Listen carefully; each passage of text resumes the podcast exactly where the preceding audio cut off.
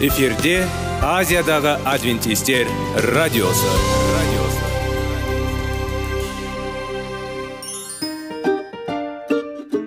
Сәлем достар. Денсаулық өмір бұлағы және біздің бірінші байлығымыз демекші денсаулық сағаты рубрикасына қош келдіңіздер. Біздің рубрикада біз әртүрлі факторларменен мәліметтерменен кеңестерменен бөлісіп шын жүректен сіздердің дендеріңіз сау болғанын қалаймыз.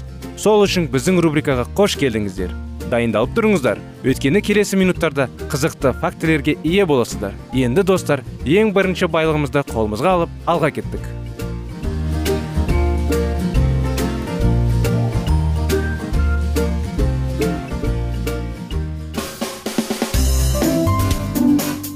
Денсаулық туралы хабар.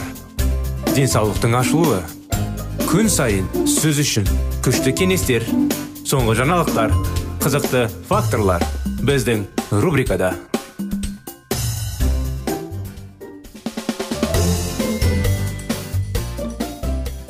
армысыздар құрметті тыңдаушыларымыз сәлем достар сіздермен бірге қытай зерттеулері тақырыбы денсаулық сағат бағдарламасында тақырыбымызды ары қарай жалғастыра кетейік. Жануарларға жүргізілген көп жылдық тәжірибелер биохимиялық принциптер мен процестерді анықтауға мүмкіндік берді оларды түсіну тамақтанудың бауыр қатерлі ісігіне әсерін анықтауға көмектесті. Бірақ қазір біз бұл процестердің адамдарда байқалатынын көз жеткізе алдық. Б гепатиті вирусын созылмалы жұқтырған адамдарда бауыр қатерлі ісігінің даму қаупі артты. Біздің зерттеулеріміздің нәтижелері осы вирусты жұқтырмаған және сонымен бірге жануарлардың көп мөлшерін жейтін адамдарда холестерин деңгейі жоғары және қатерлі ісік ауруы вирус жұқтырған және жануарлардың тамағын тұтынбаған қарағанда жиі кездесетінін айтты.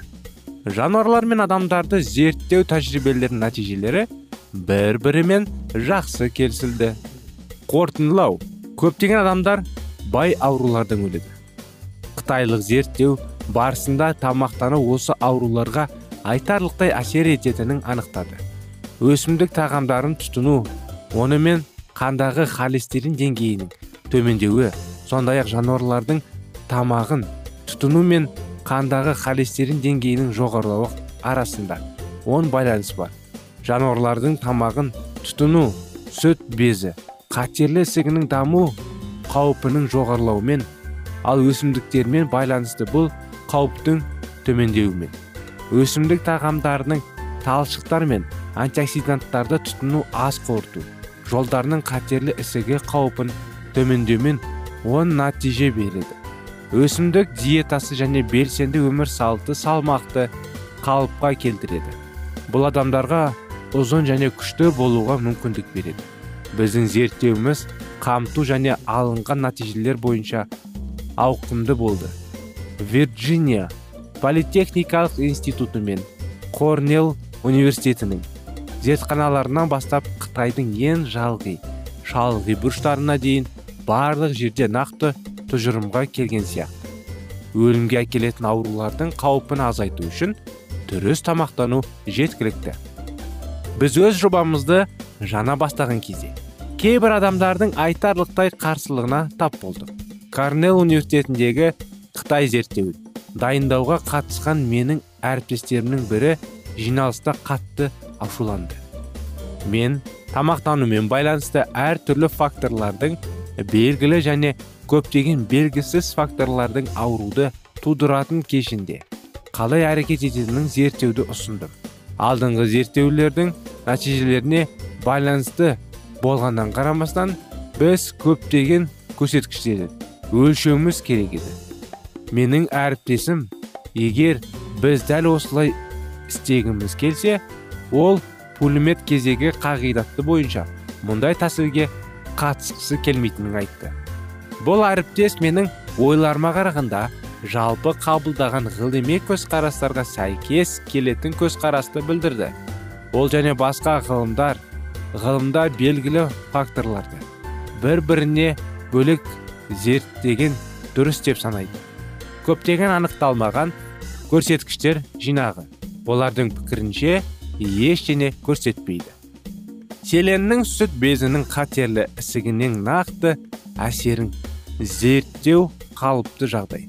Бірақ тамақтануға байланысты маңызды қағидаларды анықтауға үміттеніп бір зерттеу аясында көптеген тамақтану сипаттамаларының әсерін зерттеу қалыпты емес. Мен кен көз қарасты қалаймын. Өйткені біз табиғаттың керемет қиындықтары мен нюанстарын зерттейміз. Мен тамақтану ерекшеліктері ауруға қалай әсер ететінін білгім келді. Енді бұл менің кітабымның басты тақырыбы. Біз жейтін барлық тағамдар денсаулыққа немесе ауруға ықпал ететін қол соның жұмыс істейді. Жалғыз химиялық зат барлық тағамда тамақтануды сипаттайды. Деген пікірге неғұрлым көп жүгінсек соғұрлым қате түсінікке түсеміз. Кітаптың төртінші бөлімінде көрсетілгендей. Бұл тәсіл көптеген жалғын ғылыми көзқарастардың негізін қалады. Сондықтан мен пулемет кезегінің принципін жиі емес жиі қолдану керек деп санаймын. Біз тамақтану әдеттеріміз туралы және тұтас тұғамдарын тұтыну туралы көбірек ойлануымыз керек. Бұл менің ойымша бассейндік кезек принципі. Жалғыз дұрыс ғылыми тәсіл дегенді білдірме. Әрине жоқ. Мен қытай зерттеуінің нәтижелері абсолютті ғылыми құжат деп санаймын ба? Әрине жоқ. Бірақ олар кейбір практикалық шешімдерді негіздеу үшін жеткілікті ақпарат бере ме әрине бұл зерттеу бізді әсерлі және ақпараттарының мәліметтерімен қамтамасыз етті. Алайда осы үлкен зерттеудегі корреляцияның әр көрсеткіші алынған схемаға сәйкес келе ме? Жоқ. Ең үлкен статистикалық маңызы бар көрсеткіштер. Алынған қорытындылар. Жинағына сәйкес келеді де. Кейбір нәтижелер күтпеген болып шықты. Олардың көпшілігі бәрі бірдей болмаса да содан бері түсініктеме алды. Қытай зерттеулер барысында байқалған көрсеткіштердің өзара байланысының кейбір жағдайлары батыс елдерінің тәжірибесіне сүйене отырып біз күткен нәрсені қайшы келді жоғарыда айтып өткендей қытайдың ауылдық жерлегінде қандағы холестерин деңгейінің айтарлықтай өзгеруі таң қаларлық жағдай болды. Қытай зерттеу басталған кезде қандағы холестерин деңгейі бесте екі жетте сегіз мумоль л лақыпты болып болып саналды және төменгі деңгей күдікті болып көрінді. Осындай анықтамамыз құрметті достар сіздердің назарларыңызға. Бағдарламамыз аяғына келді. Жалғасын келесі жолы жалғастырамыз. Келесі бағдарламамызға дейін сау болыңыздар.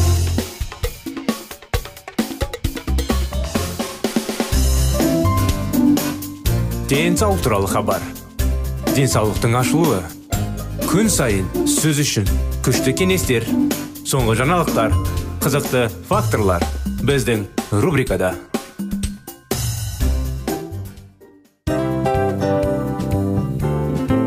Әуелі байлық денсаулық екінші байлық он саулық үшінші байлық ақ жаулық. Ал енді осындай радио парақшадан кейін не дейміз? Барлықтарыңызға денсаулықтарыңыз зор болсын деп тілейміз. Денсаулықтың өзгеруі кішкентай нәрселерден басталады. Осымен біз берген кеңестер мен мәліметтер шын жүректен сіздер үшін қандай да бір болсын жәрдем берді деп үміттенеміз. Тыңдаушыларымызбен келесі радио парақшасына дейін қоштассамыз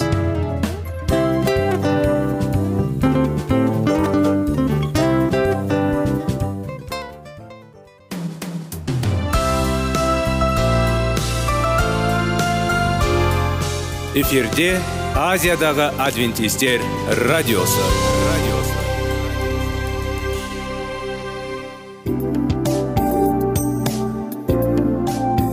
Сәлем достар. Барлықтарыңызға шын жүректен сөйлесек рубрикасына қош келдіңіздер деп айтпақшымыз. Шын жүректен сөйлесек бағдарламасы әртүрлі қызықты тақырыптарға арналған. Шындығында шын жүректен сөйлесек деген сөздің мағынасы екі достың екі адамның ортасындағы шын жүрекпен сөйлесуі бір біріне сенуі ашықтық пен шындықты білдіреді. Сол үшін біздің бағдарламалар әртүрлі қызықты тақырыптарға арналған. Дайындалыңыз жаңа қызықты мәліметтерге ие болуға. Ондай болса кеттік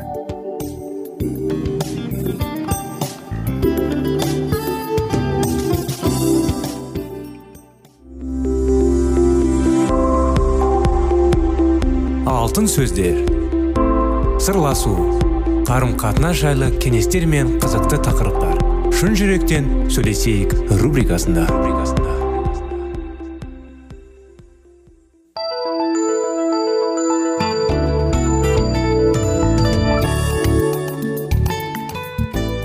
Армысыздар сәлеметсіздер ме құрметті достар? Құрметті радио тыңдаушыларымыз сіздермен бірге шын жүректен сөйлесейік бағдарламасы. Сіздердің назарларыңызға 25 керемет неке оқиғаның оқиғаларын жалғастырудамыз. Кеменің жоғары жақтарларын тазалау. Жоғары жақта тазалау дегеніміз белгілі бір оқиға немесе мақсатқа жету үшін дайындалу кез келген ықтимал кедергілерді алдын ала жою. Бұл теңіз сөздері шайқасқа дайындалудың алдында кемелерде белген бұйрық болады. Кеменің үсті жағын тазалау керек деген бұйрық естілген кезде барлық құрал саймандар жіптерді және кеменің еркі қозғалуына бөге жасайтын басқа да заттарды алып тастау қажет екендігін теңізшілер білетін. Бүгінгі таңда осы сөзді кедергісіз әрекеттеу үшін кез келген дайындық қатысты қолданылады. Соңғы тақырыптарда біз нақтылы жұмыс сызбаларының сөздерінің неке жайында сөз қозғадық. Осы тарауды мақсаты ол алға қарай жылжуға және некенің ұлағатталған қол жеткізу үшін барлық мәселелерді талқылау болды. Кемедегі жоғары жағын тазалау кезінде оның үстіндегі жаңағы жұмысшылары жіптерді тарқатып дауыл болған кезде сүрініп қалмас үшін немесе жайбарақат жүзу кезінде жеңіл атап өтуге болатындай қандай да болмасын бір нәрсеге шабуыл жасайтын барлық артық заттарды жинап алып тастайды. Бізге жолда қолдау көрсететін болашаққа қарай жүкпен бірге жүзу ойлары ұнайды. Ал сізді төменге қарай тарып немесе зәкірді өткен өміріңізде қалдыру болатын сыртына қарай лақтырып тастауды қажет. Өте көп адамдар кеменің жоғар жағында сүрініп құлап қана қоймайды. Алайда олар кемеден құлайды да теңізге батып жоқ болып кетеді. Құдайдың некеге деген ниеті мінсіз кемшіліксіз таза. Алайда ерлі зайыптылардың барлық кемшіліктері некеден басқа жерде осы лайық анық көрінбейді. Кеменің бағынан жадасып желкеннің төмен түсіп жүктерінің шашылап жоғалып ойықтардың пайда болып жіптердің үзілетінін күтпесін біз сіздердің өз жолыңызды сенімді өткізерін қалаймыз. Теңіз бейнелерінің тақырыбы жайлы әңгімені жалғастыра отырып ерлі зайыптылардың негізгі алынатын қарым қатынастарының мәселелерінің тиімді шешуден бас тарта отырып олар кеменің түбіндегі ойықты тағының жауып тастағаннан кейін теңізге сапарға шыққан тәрізді боламыз. Бірақ қандай да бір уақытта осы тағы біздерді құтқара бірақ қосымшылық күшеуі бастағанда ол судың қысымына шыдамай тығын атылып кетеді. Біз сіздердің жолдан адасып суға батып кеттеріңізді қаламаймыз. Біз сіздің екеңізді кез келген дауылға шыдауға қабілетті пайғамбар немесе жаңандай болғандай қалаймыз сіз өткен тарауда оқи отырып сіздің некеңізге арналған жоспармен жұмыс істеген кезіңізде сіз бәлкім белгілеген жолға сапарға шықпастан бұрын шешушін талап ететін кейбір мәселелерді мойындаған боларсыз. Сонымен тұптарымның өзімшілдіктен тәкаппарлық пен ренішке тамырын жайған әрбір кемшіліктердің басын ашып айтайық. Келіңдер бізді шырмалап алатын кез келген қарғыстан жек біздерді байлап тұрғанын қорқыныштан өзімізді босатып алайықшы. Және біздің үмітіміз біздің қалай енді? Зәкіріміз болсаншы басталу. Біз кемен жоғары жағында тазалаудың қаншалықты маңызды екенін білеміз. Өйткені біз өзіміздің саяхат жасаған кезімізде олай істелген жоқпыз. Бізге некеге дейінгі жаңағыдай ой пікірлер берілген кезде біз олардың ақыл кеңестерін ерекше тыңдай қойған жоқпыз. Біздің кеңесшіміз отбасыдағы дау жанжалдар мен түсініспеушіліктерді қалай шешуге болатын жайлы әңгімелеген кезде біз ұрыс керіспе. Біз ешқанда бір бірімізге ұрыспайтын боламыз. Біздерді құдайдың өзі қосып отыр. Осы ақыл кеңестер біздің бір бірімізді сүйгеніміздей бірін бірін сүйе алмайтындарға қажет. Біздің өмірімізде құдайдың құдіреті қолы бар ғой деп ойладық. Алайда жұбайлық өміріміз басталғаннан кейін арада бірнеше апта өткенде бізде мәселелер пайда болды. Біздің қалай қатты қателігімізді түсіну үшін ұзақ ойланудың қажеті жоқ еді. Біз кемелді жұбайларымыз екендігімізге сенімді болған кездер екемізді қидырдық. Бірақ көп кішікпей бір бірімізді кемшілдіктерімізді анағұрлым көбіне көп көре бастадық біз ерінбей жалықпай бір бірімізді өзгертуді қолға алдық. Нәтижесінде біздің құдай берген некеміз өте ерікті екі тұлғалардың арасындағы соғыс алаңына айналып кетті. Темірдің темірді қайрағандай ұшқынымыз шашырай берді. Біз біздің одағамыздың шын мәнінде әлсіз және нәзік болғанын жете түсінбеді. Әрине біз бір бірімізге өте адал болдық. Бірақ әсіресе бір бірімізге шындықтылық пен ақ көңілдікте таныту қажет болған кезде өз өзімізді жоғары бағаладық. Біздің мойындағанымыздың гөрі біздің әрқайсымыздың кемшіліктеріміз көп болды. Ал жақсы болған қасиеттеріміздің барлығы келешектегі қиындықтарға қарсы тұруымыз үшін нашар нығайтылған болып шықты. Біз кеменің жоғары жағында тазалау үшін тәңір иеге ерік бергеннің орнына біз бір бірімізді тазалауды қаладық. Көптен бата алған деп саналатын бір бірімізді тазалауды қаладық. Жұптар бір сәтте рахат пен шаттықтан айырылып қалды. Қауымды біз бұрынғыдай мейірімді ерлі зайыптыларға ұқсас болып жүрдік. Бірақ үйдегі біздің өміріміз масынан аналған яғни күрес алдында көбірек ұқсай бастайды. Біздің берілген өмірімізде алғашқы жылында біз қарқынды қанынастау болу деп айтылатын тәжірибеде өткен кезінде болды. Бір күні мен әйелімдің біздің әңгімеміз аяқталмағанша менің бөлмеден шығарғысы келмеді. Сондықтан ол маған күресуге отыр деді. Мен күйеуіме көңіліне келетін бір сөздерді айтып қалмауым үшін бөлмеден шығып кеткім келді. Бірақ сол сөздерді айтатын болсам мен келесі күні таңертең өкініші едім. Бұл оқиғаны аяғына келмеді оны жалғастырайық келесі жолы. Бағдарламамыз аяғына келді. Сіздерге келесі жолға дейін сау болыңыздар дейміз.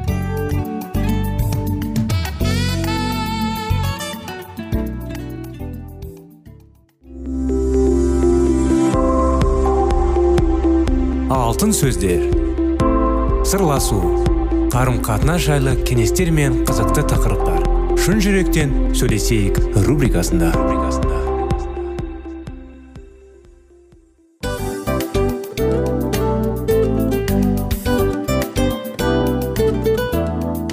Құрметті достар барлық ең соңғы кеңестер аяқталған соң біздің программамыз соңына келіп қалды. Осы біздің мәліметтер осы рубрикада айтылған әрбір сөздер сіздерге өзінің қандай да бір пайдасын алып келді деп шын жүректен сенеміз. Және бұдан да көптеген рубрикаларымыз бар. Басқа рубрикаларымызда біздің зерттеулерімізде сіздер үшін тағы да қызықты мәліметтер дайын. Біздің шын жүректен сөйлесейік парақшамызда көптеген әдістер ең соңғы кеңестер адамның нравственность жақтан моральдық жақтан тазалап байыта тұрған соңғы кеңестердің барлығын жанарады. Сондықтан алдыңғы күндерде бізбен бірге болыңыздар. Өйткені барлық қызықтар алдыда. Бізбенен бірге болғандарыңызға үлкен рахмет. Келесі кездескенімізше сау сәлемет болыңыздар.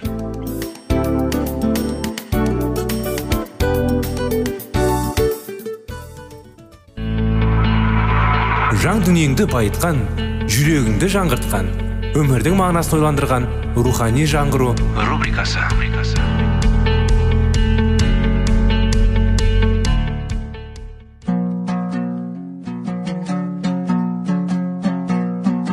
Ассалаумағалейкум біздің тыңдаушыларымыз. Келі кітаптың шындығын ашып берген қысқа бағдарламасына қош келдіңіздер. Барлығынан жоғары жаратушы біздің қарыңғылықта жалғыз қалдырып қойған емес. Өйткені ол келешекте не болу керек екенін киелі кітаптың парақтарында ашып береді. Немесе келіңіздер бізге қосылыңыздар. Жаратушы бізге нен ашып бергенін зерттейміз. Қасиетхананың ішкі қабырғалары құйылған алтыннан жасалғандай болып көрінеді. Өйткені ол алтын майшамдардың жарығымен жарқырап тұратын ұсынылатын нанның үстелі мен күні түні түнденіп тұратын құрылымның сырттары да тазартылған алтындай жарқырайды. Ал осы кереметті неше түрлі жіптерден тоқылып жасалған періштелер бейнелеген шымылдық толықтырып тұр екінші бөлімді өсиет сандағы сақталған құдайдың даңқы шығып тұратын. Бұл бөлмеге ешкім баса көктеп кірмеген кірсе тірі шықпаған. Оған кіруге тек бірінші дене қызметкерінің ғана хақысы болатын. Жердегі қасиетхана көктегі қасиетхананың қандай екендігін адам баласына көрнекілетіп көрсетеді. Көктегі орында біздің аратушымыз құдай алдында біз үшін қызмет өтеді. Ол жақта қызмет ететін рухтар яғни періштелер құдай алдына келгенде оның құдіреттілігіне шыдамай қанаттарымен бітіретін жауап тұрады. Бұрын сонды адамның қолымен салынған ғимараттардың ішіндегі ең кереметі иерусалимдегі бұл ғибадатхана көктегі ғибадатхананың әлсіз елесі ғана десе де бұл ғибадатхана көктегі адамзат баласын құтқару жолында жүріп жатқан маңызды еңбекті біздерге айқын көрсетеді. Жохан арқылы берілген аянда құдай оған көктегі ғибадатхананың екі бөлімде көрсеткен болатын. Және ол сол жақтан жердегі ғибадатханада мұса пайғамбарының жасаған өсиет сандығын көреді. Бұл жердегі ғибадатхананың көктегі ғибадатхананың үлгісі бойынша салынғанның таптырмас дәлелі. Мұса пайғамбар жердегі қасиетхананы оған көрсетілген үлгі бойынша салды. Паул еврейлерге жазылған хатында оны растайды. Ал жохан пайғамбар болса соның куәгері болып табылады. Құдайдың мекені көктегі ғибадатхана. Оның тағының негізі шындық аспан ғибадатханасындағы киелінің киелесінің ішінде ақиқатты өлшеуші. Құдайдың қасиеті заны сақталған. Сол заң бойынша адамзат баласы сынаққа түседі. Құдайдың заны сақталып тұрған өсиет сандағының. Түсінде кешірім тағы орналасқан. Сол арада иса мәсіх оны қабылдайтын күнәқар пенделер үшін аршашы қызметі атқаруда. Осылайша күнәқарды ақтау жоспарында әділдік пен мейірімділік одақ құрып бірігіп тұрады.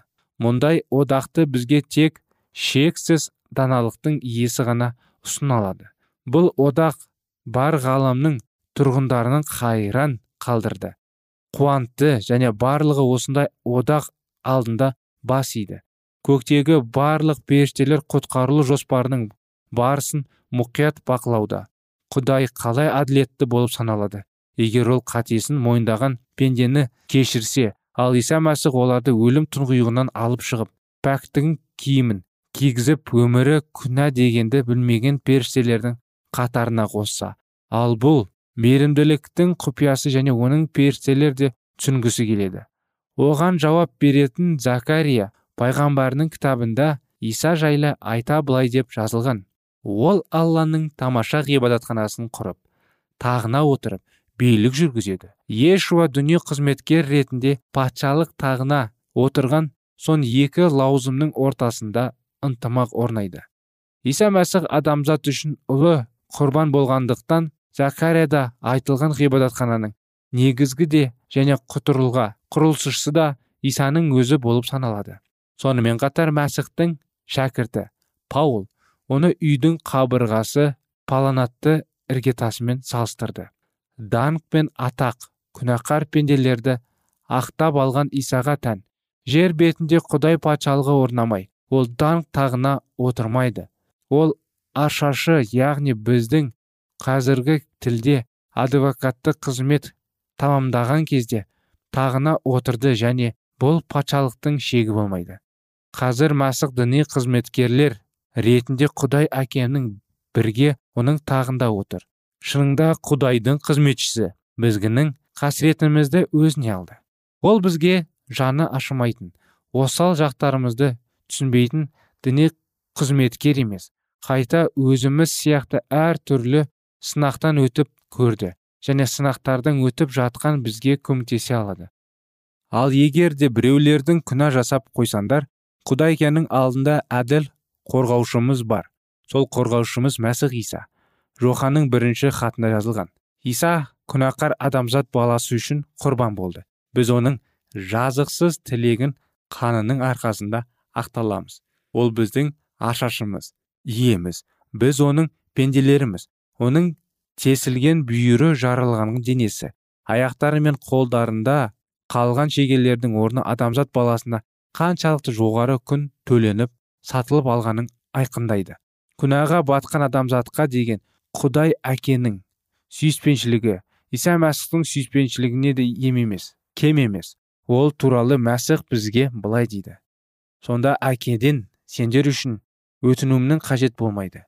Өйткені әкемнің өзі сендерді сүйеді. Құдай мәсіх иса арқылы өзін біздің әлемімізбен татуластырды. Құдай бізді сондай жақсы көреді. Біздер өлмей мәңгі өмірге ие болуымыз үшін ол өзінің жалғыз рухани ұлы исаның құрбандыққа берді делінген киелі кітапта. Сонымен қасиетхана дегеніміз не? Келе жазба бұл сұраққа түсінікті түрде жауап береді. Жердегі қасиетхана көктегі үлгі бойынша салтанатқан яғни аспанға мезгеп тұрған ғибадатхана. Иса айқыш ағашқа керілгеннен кейін жердегі ғибадатхананың ұлы құрбандыққа сілтеп тұрған қызмет аяқталды. Құдайдың шынайы сары көкте орналасқан. Ендеше 2300 кештер мен таңдар сонан соң қасиетхана тазарды деген аянды көктегі ғибадатхана жайлы айтылған. Ендігі сұрақ былай. Қасиетхананың тазаруы дегеніміз не сонда? Жердегі қасиетхана тазартылуы тиісті ал көктегі қасиетхананың тазартуының қажеті не? Бұл сұраққа еврейлерге жазылған хаттың тоғызыншы тарауы жауап берді. Таурат заңы бойынша бәрі дерлік қанмен тазартылды. Қан төнгелменен. Құдай күнәні кешірмейді. Сонымен көктегі киелі үйдің көшірмесі болған жердегі ғибадат орны құрбандыққа шалынған малдың қаны арқылы тазартса көктегі киелі үй үшін бұдан әлде қайда құнды құрбандыққа жасау қажет еді.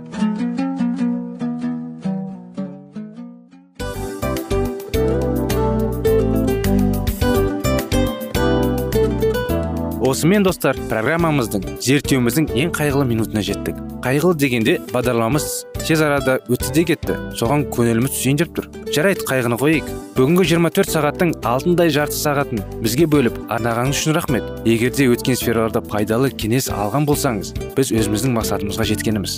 Тыңдаушыларымызбен қоштасу уақыты келді. Келесі кездесулерді сағынышпен күтеміз. Жарты сағатты кездесуіміз көз ашып шапқанша дем арасында өтіп кетті. Бірақ бізде жақсы хабар бар. Келесі зерттеулерімізде сөзсіз кездесеміз. Өйткені көптеген сюрприздер қызықты мәліметтерді және керекті нәрселерді көбін дайындадық.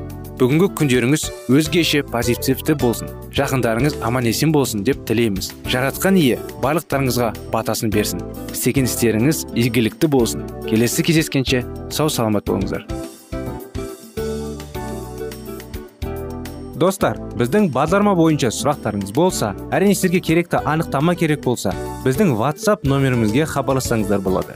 Плюс бір үш жүз бір жеті жүз алпыс алпыс жетпіс. Иә достар сіздер қателеспедіңіздер бұл біздің номерлерге ұқсас болмаса да бұл whatsapp номер арнайы. Хабарласыңыздар сұрақтарыңызды қойып тұрыңыздар. Анықтаманы алып тұрыңыздар. Плюс бір үш жүз бір жеті жүз алпыс алпыс жетпіс whatsapp номері